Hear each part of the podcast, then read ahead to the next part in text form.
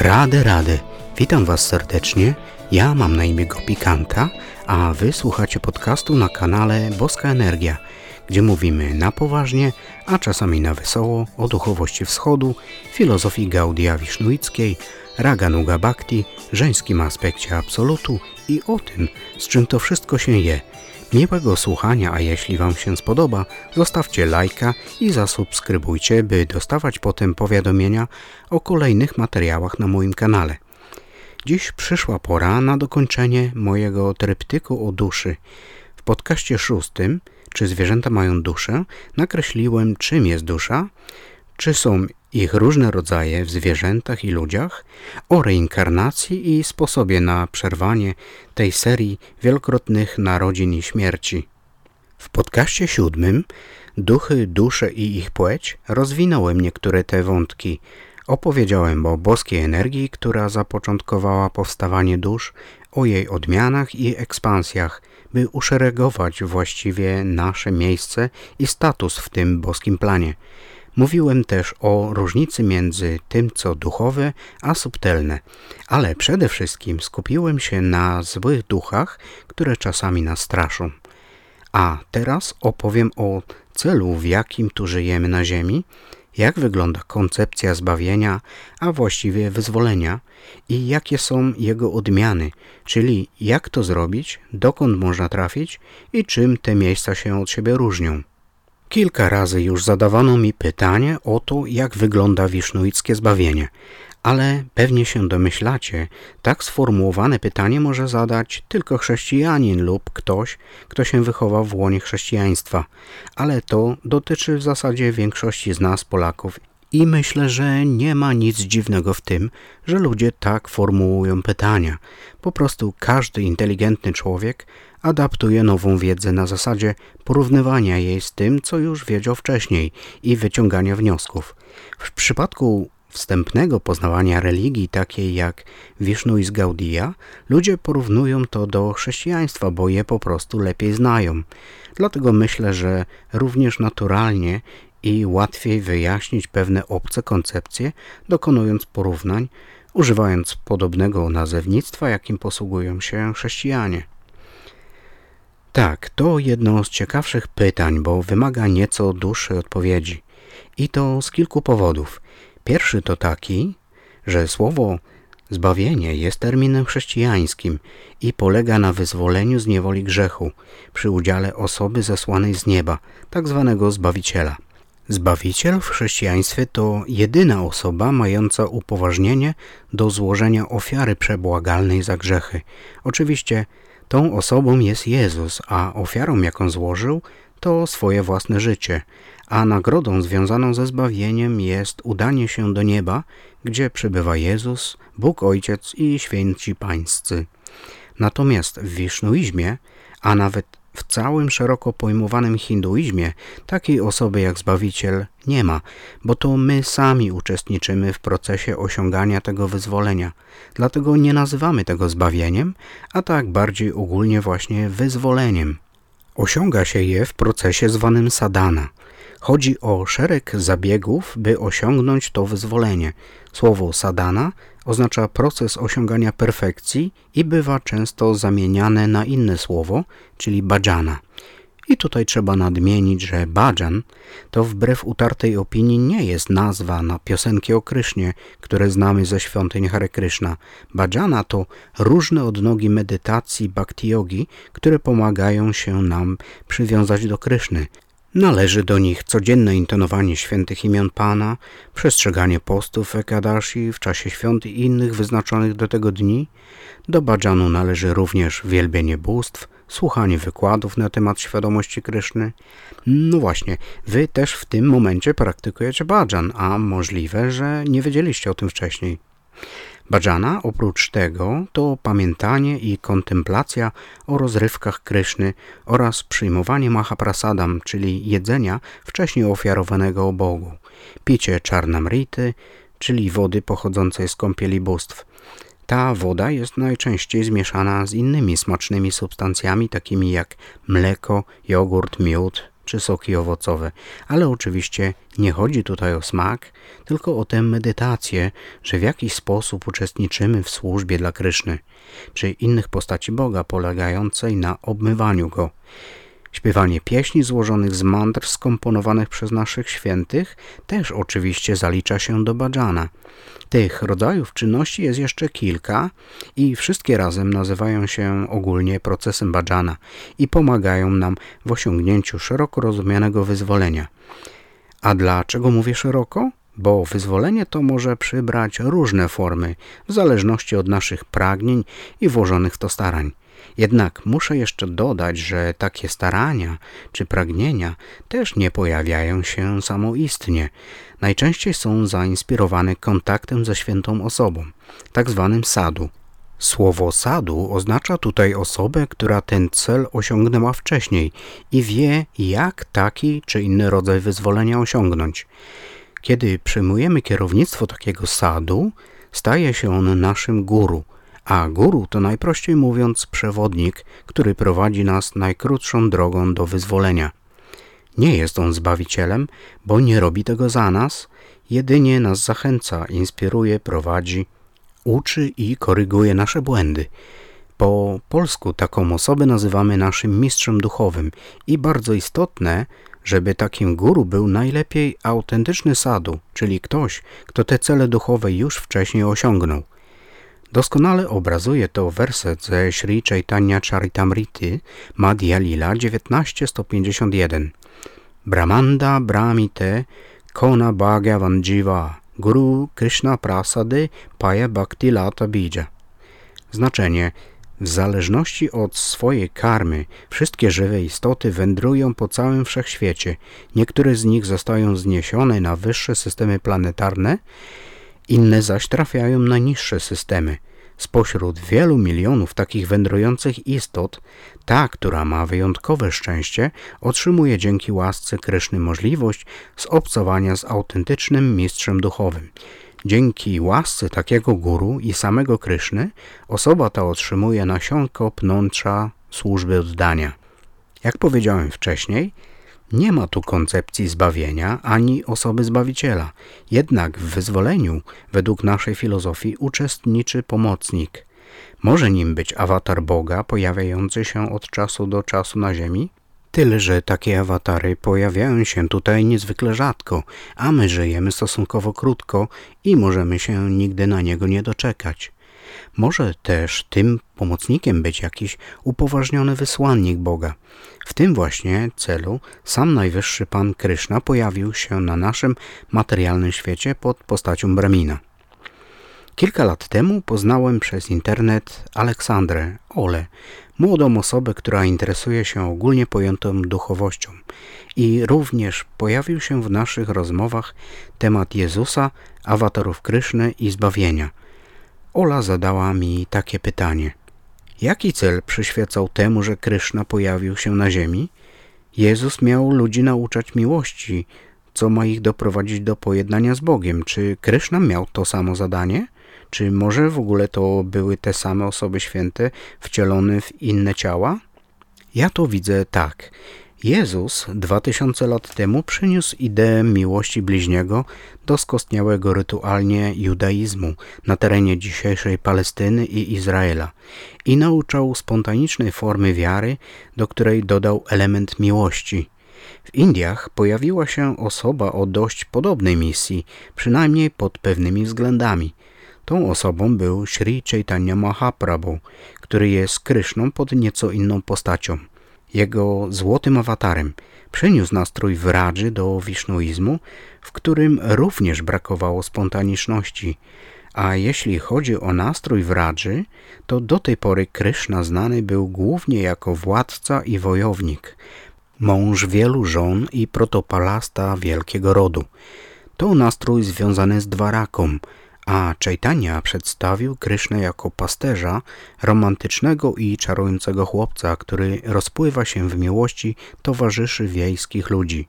Chociaż głównym celem przyjścia Chaitani było poczuć to, co czuje Radika, to przy okazji dał nam metodę szybszego osiągnięcia premy. Prema to najwyższa forma wyzwolenia polegająca na miłości, tylko że miłości takiego rodzaju, o którym jeszcze nikt wcześniej nie słyszał, a tą metodą jest powtarzanie imion Boga w formie mahamantry Hare Krishna, Hare Krishna, Krishna Krishna, Hare Hare, Hare Rama, Hare Rama, Rama Rama, Hare Hare. Pan Chaitanya, czyli Złoty Krishna, znany był z tego, że rozdawał miłość, bowiem przejawiał wewnętrznie nastrój wielbiciela Boga, najwspanialszego wielbiciela, jakim jest Radharani. W odróżnieniu od niego ten niebieski Kryszna był raczej odbiorcą tej miłości i przyszedł tu po to, by samemu miłości doświadczać, a przy okazji ustanowił religijne i społeczne zasady postępowania. Zresztą każda forma Boga przynosi kodeks dostosowany do danego kontynentu, okresu w historii i poziomu rozwoju danego społeczeństwa. A czy Jezus jest tą samą osobą co Kryszna i Sri Chaitanya? I tak, i nie. Obydwie odpowiedzi są prawidłowe, w zależności od jakiej strony na to spojrzymy. To jest trochę bardziej skomplikowane. Bóg jest nieograniczony, więc może być jedną osobą w pięciu ciałach, a może też być dwoma lub trzema osobami w jednym ciele. To nie stanowi dla niego problemu i tak robił też wielokrotnie. Tworzy ekspansję samego siebie niezliczoną ilość razy i w przeróżnych postaciach. Moglibyśmy to porównać do klonowania na przykład, chociaż wiadomo, że to nie to samo.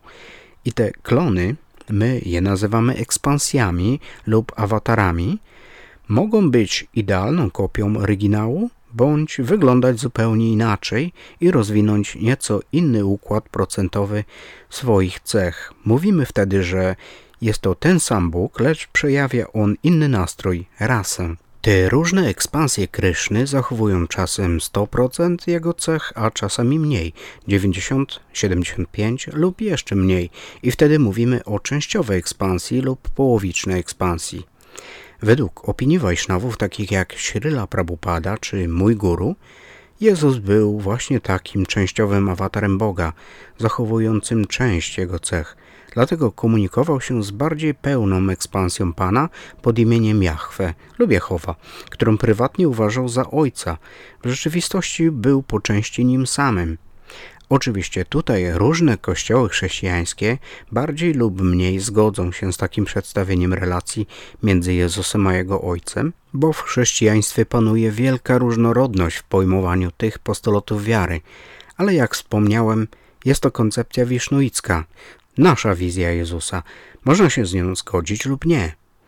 Ten późniejszy awatar Kryszny, znany jako Pan Chaitanya Mahaprabhu, pojawił się w 1486 roku w zachodniej części indyjskiego stanu Bengal, czyli w momencie nagrywania tego podcastu mamy rok 2021, to wydarzyło się to 535 lat temu, jeśli dobrze policzyłem.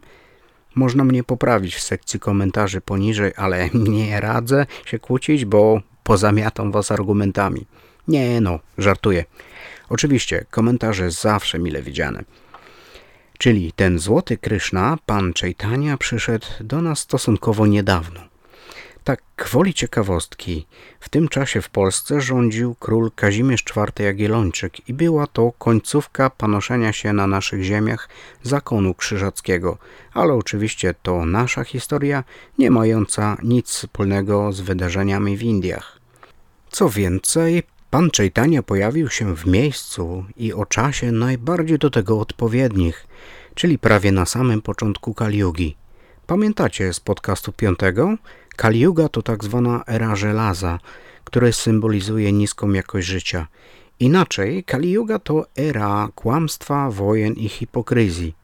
Wraz z nim, czyli z panem Chaitanią, pojawili się jego wieczni towarzysze ze świata duchowego, zrealizowane dusze, które od zawsze, właściwie od czasów niepamiętnych, przebywają w blasku Boga. Te osoby pochodzą z Goloka Vrindavan, najwyższej planety, i tutaj muszę wspomnieć, iż nie lubię za bardzo tego słowa najwyższa w tym kontekście, bo sugeruje fizyczną wysokość lub jakiś rodzaj dumy. Po prostu trudno przetłumaczyć angielskie słowo supreme lub sanskryckie parama na nasz polski język. To samo jest zresztą ze słowem planeta, które w oryginale brzmi loka lub shridam. i jest to raczej siedziba czy dziedzina, w której przebywa Bóg i Jego towarzysze. Chodzi nam bardziej o to, że jest to najwznioślejsza siedziba Kryszny. Towarzysze Pana, Jego świta, przyjęli ciała ludzkie, przeważnie męskiej płci i towarzyszyli Panu Chaitani, a po jego odejściu zajęli się usystematyzowaniem filozofii i uprawomocnieniem Gaudia Wisznuickiej Vedanty pomiędzy innymi starszymi odmianami wajsznawizmu. To z ich ksiąg dowiadujemy się setek tysięcy szczegółów intymnego związku Rady i Kryszny. Pisali oni to z doświadczenia tego, co przed narodzinami sami widzieli przez całe wieki wieków nieśmiertelnego życia w wiecznej siedzibie Kryszny. Ale celem ich pojawienia się tutaj nie było zakładanie nowej religii. Chodziło o coś znacznie ważniejszego.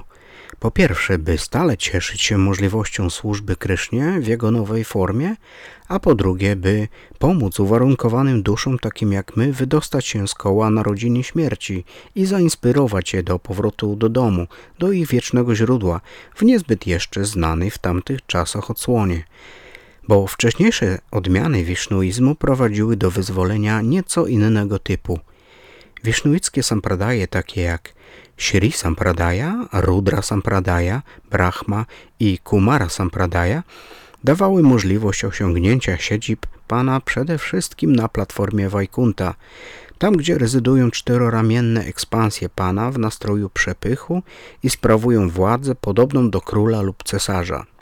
Złoty Wisznuizm otworzył drogę do tej najsłodszej siedziby Pana, wypełnionej bezwarunkową miłością o intensywności nigdy wcześniej niewspominanej.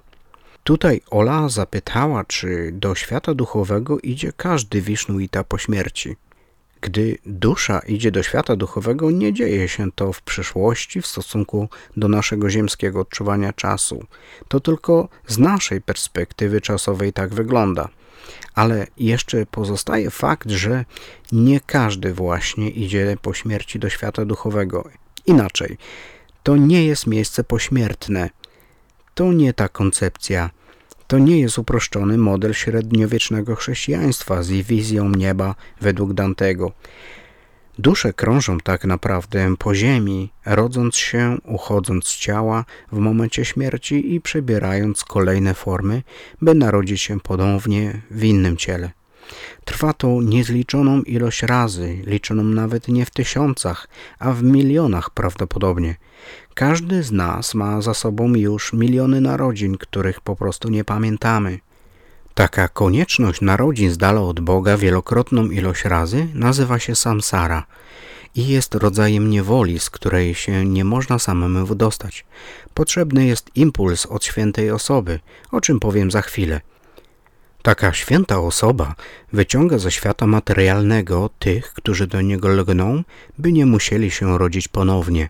Takie przerwanie niewoli samsary nazywa się wyzwoleniem lub w sanskrycie mukti – a osoba staje się wyzwolona za życia. Śmierć nigdy nie jest biletem do siedziby Boga. Tym biletem jest raczej sposób, w jaki spędzamy to życie. To życie, które jest teraz. Konkretnie chodzi tu o nasze wyłączne i wierne przywiązanie do Boga. Bo jeżeli przywiązani jesteśmy do materii i przyziemnych spraw, to nawet fakt wiary w istnienie Boga nic tu nie zmieni. Musimy się narodzić i otrzymać kary oraz nagrody za wytworzoną wcześniej karmę, zarówno dobrą i tę karmę popularnie zwaną złą. Wyzwolenie następuje teoretycznie, kiedy pozbędziemy się całego balastu karmy. W praktyce nigdy nie następuje to samo z siebie, bo odbierając reakcje karmiczne za starą karmę, jednocześnie tworzymy następne reakcje, które będziemy musieli odebrać w jeszcze następnym życiu. Przerwać ten impas może tylko sam Bóg lub Jego wysłannik. Trafiamy do siedziby Boga tylko wtedy, kiedy jesteśmy do Niego bardzo silnie przywiązani i nie tęsknimy za niczym, co na ziemi. Tej ziemi. Ola pyta następnie, a jak człowiek już przerwie ten cykl, to co dalej? Musi tu żyć, dopóki nie przyjdzie jego pora, a potem po śmierci już tu nie wraca? Istnieje wiele rodzajów wyzwolenia, a świat duchowy nie jest jednorodny. To takie multiuniwersum z wielką różnorodnością miejsc, gdzie za każdym razem panuje odmienny nastrój, inny związek z Panem, bo każda dusza kocha i postrzega Boga na swój własny, indywidualny sposób i inaczej wyobraża sobie piękno i dobro. A jak człowiek już przerwie, po pierwsze, nie jesteśmy ludźmi. Jesteśmy duszami, które przybierają bardzo różne formy cielesne. Ciało ludzkie i świadomość ludzka to jedna z form, ani nie najwyższy rodzaj ciała, a na pewno nie najniższa forma. Wspominałem o dobrej karmie. Dobra karma jest bardzo specyficznym rodzajem więzienia, takim, z którego mało kto chce się wydostać, bo to komfortowe życie. Osoby z dobrą karmą rodzą się w lepszych rodzinach, bogatszych, wpływowych, ale bardzo często ateistycznych, czyli po narodzeniu się w komforcie dusza często nie ma ochoty na wyzwolenie, bo jest tu jej względnie dobrze. Oprócz tego ciało ludzkie nie jest najwspanialszym ciałem, jakie można dostać żyjąc w świecie materialnym. Są jeszcze ciała tak zwanych devów. Zaliczamy do nich ćwierć bogów, półbogów i superbogów. Wszystkie te istoty żyją dłużej od ludzi, w lepszym komforcie, mają szerszą percepcję, są bardziej od nas inteligentni, ale są to też śmiertelnicy i kiedyś przychodzi na nich pora, by umrzeć i zmienić ciało. Pomimo tego wszystkiego, czym się różnią, są dokładnie takimi samymi duszami jak my, tylko ciała mają inne i piękniejsze, zdrowsze, są dużo bardziej od nas długowieczni i dysponują mistycznymi mocami, które sobie czasem trudno wyobrazić, ale jednego im brak. Nie mogą oni ewoluować w świadomość duchową i nie mogą się wyzwolić, bo muszą odebrać reakcję za całe materialne dobro z poprzedniego życia, a to trwa czasami tysiące lat, a czasami nawet miliardy tysięcy lat, jak w przypadku superbogów. Brahma, najwyższy śmiertelnik w naszym wszechświecie materialnym, cierpi z tego powodu. Kocha Krysznę i od setek tysięcy lat błaga o ciało ludzkie, medytując o Krysznie. Musi odczekać swoje i zarządzać żywiołami materii jeszcze długo, długo, zanim umrze i narodzi się ponownie jako człowiek. Dewowie nie mogą ewoluować i wznieść się do świata duchowego, bo Bóg urządził ten świat w dość ciekawy sposób. Tylko ludzka forma ma ten rodzaj świadomości, by móc się zrzec materialnych przywiązań, co i tak udaje się bardzo nielicznym ale tylko ludzkie ciało jest bramą przejścia i tylko w tym ludzkim ciele można się zrealizować wewnętrznie. Także, moi drodzy, korzystajcie z tej rzadkiej okazji, bo promocja się skończy tak jak przecenione kanapki na stacji benzynowej. Na czym więc polega realizacja? To praca nad świadomością, oczyszczaniem się z ego, chciwości, ambicji władzy i kontroli nad innymi – to proces, w którym przywiązujemy się uczuciowo do Boga do tego stopnia, że ciało, pozycja, status życiowy i posiadane przedmioty kompletnie tracą znaczenie. Dusza lgnie do Boga tak mocno, że mentalnie jest z Nim na co dzień. Okej, okay. w każdym razie proces polega na nawiązywaniu relacji i pogłębianiu jej, rozwijając czystość, miłość i nieprzywiązanie do materii. Dusza ostatecznie staje się wyzwolona, gdy osiąga perfekcję w tym procesie. Taką duszę nazywa się sadu, czyli ten, który osiągnął perfekcję lub w europejskiej kulturze nazywa się ich świętymi za życia. Całe jego życie jest wypełnione miłością i światłem, ale ciągle jeszcze posiada to ciało materialne, które się musi zestarzeć, by ostatecznie mógł się od niego uwolnić i w pełni wrócić do Boga. I to jest odpowiedź na pytanie, czy musi tu żyć, dopóki nie przyjdzie jego pora. Tak właśnie jest. Poza tym, taka osoba ma od momentu osiągnięcia perfekcji bardzo konkretne zadanie. Ma pomagać innym niezrealizowanym duszom wznieść się na wyższy poziom świadomości. I to przybiera formę relacji guru z jego uczniami. Kiedy się zestarzeje i opuści ciało, to już się tutaj nie rodzi ponownie, tylko jego świadomość przenosi się do innego, w pełni duchowego ciała w siedziby Boga, właściwie w jednej z takich siedzib Boga. Może zejść na ziemię, kiedy czuje taką potrzebę, ale nie jest to upadek, tylko misja do wykonania. Takie wyzwolone dusze od czasu do czasu wysyłane są na ziemię ze specjalną misją pomocy niezrealizowanym duszom w niewoli materialnej. Przychodzą tu i rodzą się jak inne dzieci z łona matki, by dorastać i inspirować innych oraz pomagać ludziom odkryć sens życia. Jedną z takich dusz wyzwolonych jest mój guru i zapewne tej kategorii duszą jest też Jezus. On tu przyszedł na własne życzenie i na prośbę Boga. Jest jednocześnie osobnym bytem, co w Biblii jest określane wielokrotnie, siedzi po prawicy Ojca, ale jest również częściową inkarnacją Boga i w tym sensie jest samym Bogiem, bo działa wyłącznie z Jego upoważnienia. Jego osobistą misją było zaszczepić miłość w systemie judaizmu, gdzie panowały surowe zasady prawa mojżeszowego danego Izraelowi.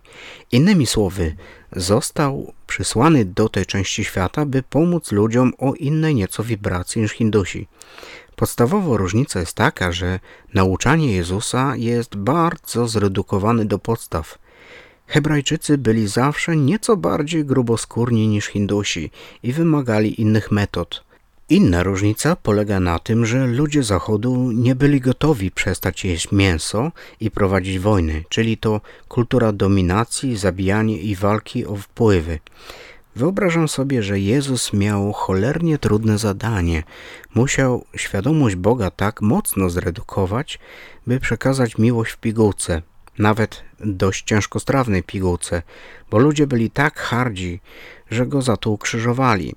W każdym razie chrześcijaństwo, któremu dał początek, to oryginalnie proces, w którym chodzi o rozwinięcie miłości do Boga. Taki jest zresztą cel każdej religii i to łączy wszystkie religie, bo Bóg jest jeden i Bóg jest miłością. Miłość ma nieskończenie wiele odcieni, dlatego Bóg przybiera tak wiele różnych form. Jak rozpoznać takiego świętego? Ola sugeruje, że być może po kolorze aury, ale przecież większość z nas takiej aury nie widzi, a nawet nie potrafi jej wyczuć, więc to nie jest dobry sposób. I to z kilku jeszcze innych powodów. Spotkanie świętego przychodzi w takim momencie życia, kiedy jesteśmy na to zupełnie gotowi, kiedy bardzo silnie pragniemy wrócić do Boga, a nie wiemy jak, bo karma ciężka, bo choroby, bo depresja, bo ciągotki do seksu lub wódki od czasu do czasu i pojawia się silne pragnienie połączone z bezsilnością. Wtedy Bóg reaguje i aranżuje sytuację, że spotkamy kogoś, kto nas poprowadzi. Jak zatem wygląda świat po śmierci? Ciekawe pytanie, ponieważ według modelu wedyjskiego czas to nie jest linia prosta z wektorem kierunku, początkiem i końcem. Czas ma postać kół, większych i mniejszych. Mniejsze koła czasu dla istot prostych, a większe dla ludzi. Półbogowie żyją dużo dłużej w swoich ciałach, ale też są śmiertelni, a Bóg Najwyższy to już zupełnie żyje poza czasem. Goloka i cała reszta świata duchowego znajduje się w strefie zupełnie wolnej od uwarunkowań czasu. Z tego powodu nie ma tam ani przeszłości, ani przyszłości. Istnieje jedynie wieczna teraźniejszość, taka pełna akcji teraźniejszość. I dlatego, by odgrywać swoje rozrywki typowe dla swojego wieku i czasu, Bóg nie może poczekać, aż się zestarzeje czy podrośnie. On się niejako klonuje – czyli tworzy własne ekspansje różniące się między sobą nieco wyglądem i charakterem. Tam po prostu rozrywki Kryszny dzieją się nieprzerwanie. Na przykład Rada i Kryszna wiecznie się huśtają na huśtawce w zagajniku zwanym Jolana Kunch. W innym miejscu we Wradży zwanym Vamshivata Kryszna gra niewymownie pięknie na flecie oczarowując całą tę krainę, a młode dziewczęta przybywają na to miejsce spotkania użyczone wizją romantycznej randki, gdy równocześnie z tym wszystkim Kryszna pod postacią trzyletniego chłopca upaćkanego śmietanką Ucieka przed kijem swojej matki i przekonuje ją słodkimi oczętami, że nic nie ukradł, a dzieje się to tym razem w Gokuli. Pewnie część baktów po lekturze książki Srila Prabhupada pod tytułem Kryszna, źródło wiecznej przyjemności dodałaby, że w innym miejscu sześcioletni Kryszna rozrywa dziób demona Bakasury na dwie połowy, a w jeszcze innym tańczy na kapturach ogromnego i demonicznego węża Kalii. Lub jeszcze gdzie indziej w wieku niemowlęcym dusi demona Trinawarty pod jego postacią trąby powietrznej. Może was zaskoczę, a może i nie. Te trzy ostatnie rozrywki Kryszny, jak i wszystkie inne, w których Kryszna pokonuje ciemne charaktery, nie dzieją się na koloce Vrindavan z bardzo prostego względu. Do świata duchowego nigdy nie może się dostać żaden demon. Demony znane z Wet to istoty materialne. Nie są one wyzwolone i dlatego nie mają tam wstępu. Takie rozrywki z udziałem demonów działy się tu na Ziemi nieco ponad 5000 lat temu i to w czasie linearnym, takim jak my go pojmujemy. Czyli w tym przypadku używamy świadomie czasu przeszłego i mówimy, że Kryszna mieszkał wtedy również we Vrindavan. Ale to była taka oddelegowana filia tego oryginalnego Vrindavan, która zamanifestowała się pośród naszych krain, a dokładnie w miejscu, które możemy odwiedzić w Indiach, w stanie Uttar Pradesh, dystrykcie Matura, nad ciągle jeszcze istniejącą rzeką Yamuną. Do tej wersji Vrindavan przedostawały się czasem demony lub inne osoby nieosadzone w nastroju wradży, takie jak na przykład Udhava, Brahma czy Indra. Kiedy rozrywki Pana są widoczne dla niewyzwolonych ludzi lub demonów, nazywane są prakatalila. Po naszemu rozrywki zamanifestowane, a kiedy nie są one widoczne, nazywane są aprakatalila czyli rozrywki niezamanifestowane. W rzeczywistości rozrywki Pana nigdy się nie kończą, tak jak Słońce nigdy nie opuszcza nieba. Słońce zawsze krąży po swojej właściwej orbicie na niebie, ale czasami jest widoczne, a czasami niewidoczne dla naszego ograniczonego widzenia. Podobnie rozrywki Pana są zawsze obecne w tym czy innym wszechświecie. Kiedy zdaje się nam, że one się kończą w naszej rzeczywistości, to jednocześnie trwają one w innej brahmandzie, takiej bańce zwanej wszechświatem. Ale właśnie nie wszystkie z nich są obecne na Goloce Vrindavan w dziedzinie duchowej. No, ale ja tu się rozgadałem o Vrindavan i Krysznie, bo to wizja bliska mojemu sercu, a w rzeczywistości świat duchowy jest dużo bardziej złożony niż te miejsca w obrębie Goloka Vrindavan. Ogromną część świata duchowego stanowi mandala tzw. Tak planet w rejonie Aishwarya. Tak, wiem, znowu ten trudny sanskryt. Tak jak mówiłem wcześniej przy okazji wymieniania innych sampradai wisznuickich niż moja własna, ogromna część wisznuitów nie wielbi Boga pod postacią Kryszny. Rejon Aishwarya to obszar planet, na których rezydują czteroramienne formy Pana – na tych planetach istnieje przepych, bogactwo i szczęście, ale innej barwy szczęście. Za każdym razem jest nieco inaczej. Każda z tych planet ma swojego protektora w postaci jednej szczególnej czteroramiennej formy Pana. Istnieją tam inne rozrywki i mieszkają tam wyzwolone dusze, które pragnęły bliskości Boga pod taką właśnie postacią, a nie inną. Oprócz tego są też poziomy pośrednie, takie jak Ayodhya, zwana też Saket Loka, gdzie rezyduje pan Rama. Jest też nieco wznioślejsze Dwaraka Dam. To siedziba Kryszny jako króla, wojownika i małżonka ponad 16 tysięcy księżniczek. Jeszcze wznioślejsza od Dwaraki jest Maturadam, tam gdzie Kryszna jest jeszcze trochę inny. Jest młodym zapaśnikiem, przyszłym wojownikiem i jeszcze nie tak wielkim władcą. Można powiedzieć, że to taka siedziba Kryszny o nastroju pośrednim między Goloką a Dwaraką, które się od siebie różnią jak Paryż od Radomia, albo nawet bardziej. Istnieją również rejony świata duchowego, gdzie rezydują częściowe ekspansje Boga. Taką częściową formą reprezentującą tylko część cech Kryszny lub Wisznu jest Pan Shiva i ten rejon świata duchowego, gdzie on mieszka, nazywa się Kailash. Trudno mi powiedzieć, czy tam trafiają wyzwolone dusze, bo nigdy o tym nie słyszałem. Wielbiciele Shivy nie nawiązują z nim personalnej relacji, więc to nie jest bhakti bhajana, które jest promocją do osiągnięcia Boga pod taką właśnie postacią. Podejrzewam, że Kailash, wyobrażane jako ogromna góra, zamieszkane jest przez wąskie grono rodziny pana Shivy. Ale jeśli się mylę, to napiszcie mi o tym w komentarzach, proszę.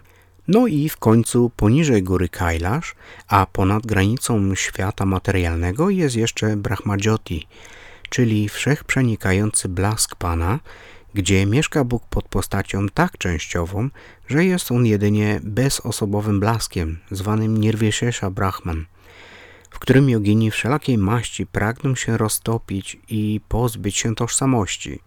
Trzeba przyznać, że ogromna ilość joginów wybiera się właśnie tam, więc musi to być dosyć ogromny obszar. Najpewniej tam trafiają też wyznawcy Pana Shivy, bo to ich nastrój i cel zwany mukti, czyli wyzwolenie bez żadnej relacji osobowej z Bogiem. Sri Chaitanya Charitamrita wspomina o tych przeróżnych rodzajach wyzwolenia następująco. Yadyapi se mukti haya pancha parakara salokya samipya sarupya sarshti sayujya ara – Czytania Charitamrita Madhya Lila, szósty rozdział, werset 266.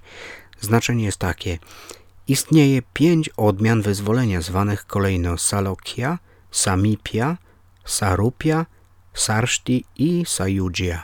To teraz wyjaśnimy króciutko, czym one się od siebie różnią. Salokia to wyzwolenie zawierające się w osiągnięciu danej planety, gdzie rezyduje nasza ukochana forma Pana. Samipia to stanie się wiecznym towarzyszem Pana. Sarupia z kolei to otrzymanie podobnego ciała jak Pan i tyczy się to jedynie niektórych planet na Wajkuncie, gdzie dusze przejmują formy Wishnudutów, wyglądając bardzo podobnie do samego Pana Wisznu, wraz z jego pięknem, błękitną skórą i czterema ramionami. Następnie jest Sarszti. Tym razem dusza osiąga bogactwa podobne do tych, którymi dysponuje Pan Wisznu. Zapewne nie są to bogactwa w naszym rozumieniu pławienia się w kasie i diamentach.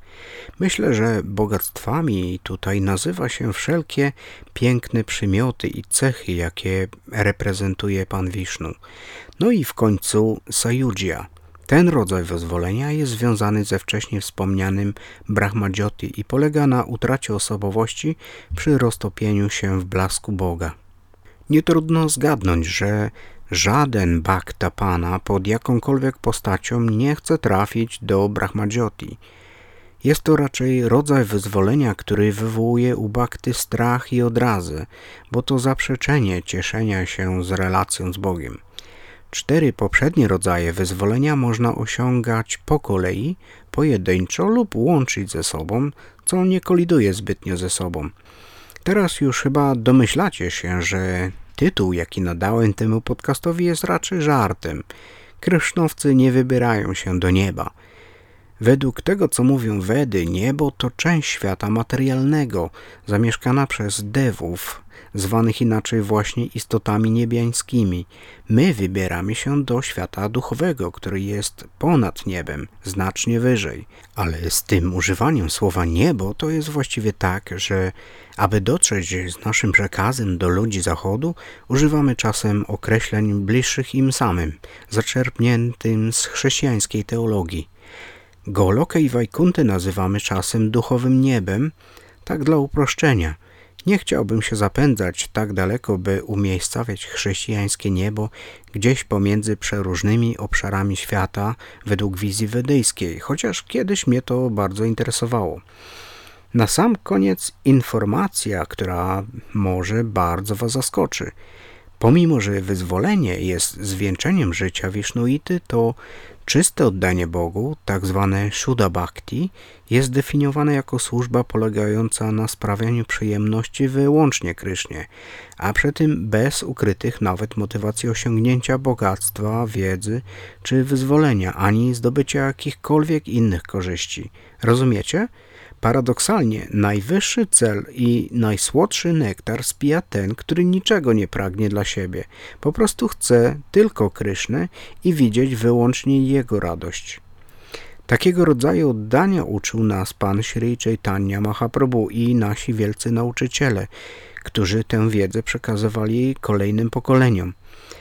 Wszelkie inne motywacje towarzyszące nam jako baktom w naszym życiu duchowym są raczej mało duchowe i są to zaledwie półśrodki albo nawet czynniki powstrzymujące postęp duchowy. Życzę Wam wszystkim tej najpiękniejszej rzeczy, jaką można osiągnąć, która jest zarówno sposobem, jak i celem do osiągnięcia. A wiecie, co to za rzecz? To prema, czyli bezwarunkowa, czysta miłość do Boga. Nie ma nic wspanialszego niż miłość. Gaur Premanande. W zasadzie to koniec tego tryptyku o duszy, ale można w tym temacie jeszcze bardzo wiele powiedzieć. Początkowo zamierzałem ująć w tym podcaście zagadnienie związane z ciałem duchowym, ale jest to temat niezwykle poważny, kontrowersyjny i oczywiście nie dla wszystkich. Dlatego ciekaw jestem przede wszystkim opinii baktów, czy zrobić jeszcze podcast o ciele duchowym, tak zwanym Sidadeha, czy może się lepiej od takiego pomysłu powstrzymać. Przypominam, że ważna jest dla mnie każda Wasza subskrypcja, łapka w górę i najlepiej do tego komentarz zostawiony poniżej. Dzięki temu kanał się rozwija, staje się coraz ciekawszy i dociera do nowych osób, które możliwe, że bardzo potrzebują takiej wiedzy. Zapraszam Was do oglądania i słuchania materiałów o podobnej tematyce na kanale Krishna Kirtan In oraz na fanpage'u facebookowym Sri Guru Prapana Ashram, gdzie o rozrywkach Kryszny ciekawie opowiada Vishnu Patni. Przypominam, że Boska Energia istnieje oprócz tego, że na YouTube, to na Spotify, Anchor FM i na Facebooku jako fanpage o tej samej nazwie. Dla tych, co chcą pozostać anonimowi ze swoim pytaniem, jest również opcja korespondencji na adres e-mail lub w Messengerze. Wszystkie potrzebne linki znajdziecie w opisie poniżej. To tyle na dzisiaj. Do zobaczenia lub usłyszenia już niedługo. Trzymajcie się i nie dajcie zgasnąć tej boskiej energii, która w Was mieszka. Radę, radę!